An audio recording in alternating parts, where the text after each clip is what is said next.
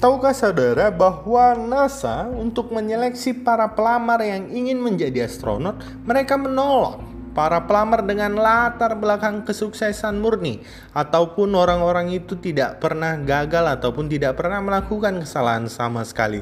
Tetapi justru mereka memilih orang-orang yang pernah mengalami kegagalan dan kesalahan yang penuh arti dan mendalam di masa lalunya, lalu orang ini bangkit kembali dari kegagalan dan kesalahan tersebut. Bahkan Jack Welch, CEO General Electric yang sangat terkenal, memilih para eksekutif berdasarkan landasan kemampuan mereka untuk berkembang. Ya, saudara harus menyadari bahwa satu nilai saja dalam satu waktu sama sekali tidak menunjukkan kecenderungan peningkatan kurangnya usaha ataupun kredibilitas seseorang.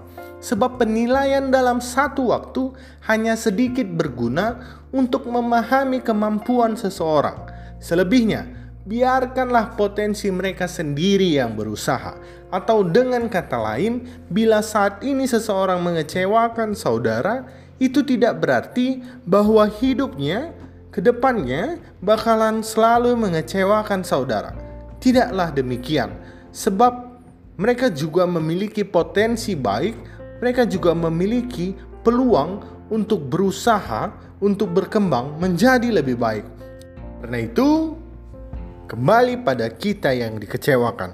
Maukah kita memberitakan kabar baik, memberitakan kebenaran, maukah kita membimbingnya dalam kebenaran? Persis seperti Paulus yang memberitakan kabar baik untuk jemaat di Efesus yang diambil dari Efesus 4 ayat 25 sampai 32 yang juga menjadi refleksi kita hari ini. Ia menyadari bahwa orang-orang tersebut bukanlah orang-orang baik. Kesalahan-kesalahan pernah melekat dalam hidup mereka dan ini bukan sekedar asumsi dari Paulus sebab salah satu fakta menunjukkan bahwa konteks saat itu pencurian sangat merajalela bahkan menjadi sangat umum terjadi di dermaga-dermaga, khususnya pemandian umum. Mereka mencuri barang-barang orang yang sedang mandi dan ini dianggap lumrah terjadi kala itu. Tapi apa yang dilakukan Paulus? Dia tetap memberitakan kabar baik kepada orang-orang tersebut, bahkan mengajari dan memberikan mereka kesempatan untuk hidup menjadi manusia baru. Tapi yang sering kali terjadi saat ini sungguhlah berbeda. Mereka yang menganggap diri hidup dalam kebenaran justru menjauhi orang-orang yang dalam asumsinya sebagai orang berdosa, orang yang pernah mengecewakannya, dan sebagainya. Apa yang sebenarnya ditakutkan oleh orang-orang demikian ini? Apakah mereka takut kesucian dan kebenarannya rusak bila berdekatan dengan orang berdosa, ataukah mereka justru takut imajinasinya rusak dan menyadari bahwa sesungguhnya mereka juga memiliki kesalahan dan tidak suci seperti mereka imajinasikan selama ini. Sejatinya, untuk kita berkomitmen menghidupi kebenaran, harusnya kita dapat melupakan dunia yang ideal. Sebab dalam setiap hal, kita akan selalu menjumpai kekurangan.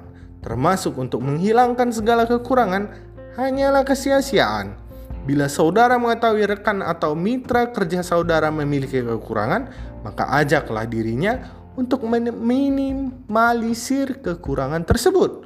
Bila saudara menemukan kecurangan, jangan sekedar mengabaikannya, menghindarinya, dan menghakiminya saja, tapi rangkullah dirinya dan tunjukkanlah bahwa hal tersebut layak untuk dia tinggalkan. Berikan mereka kesempatan untuk mengalami perubahan seperti saudara yang juga beroleh kesempatan karena kasih karunia Allah kita. Itulah yang menjadi pesan utama untuk refleksi kita saat ini. Bila saudara menganggap diri saudara adalah orang yang suci dan baik, maka peluklah kami, orang yang berdosa ini, dan tunjukkan kepada kami kebenaran itu. Berikan kepada kami kesempatan untuk belajar menjadi seperti saudara yang hidup dalam kebenaran.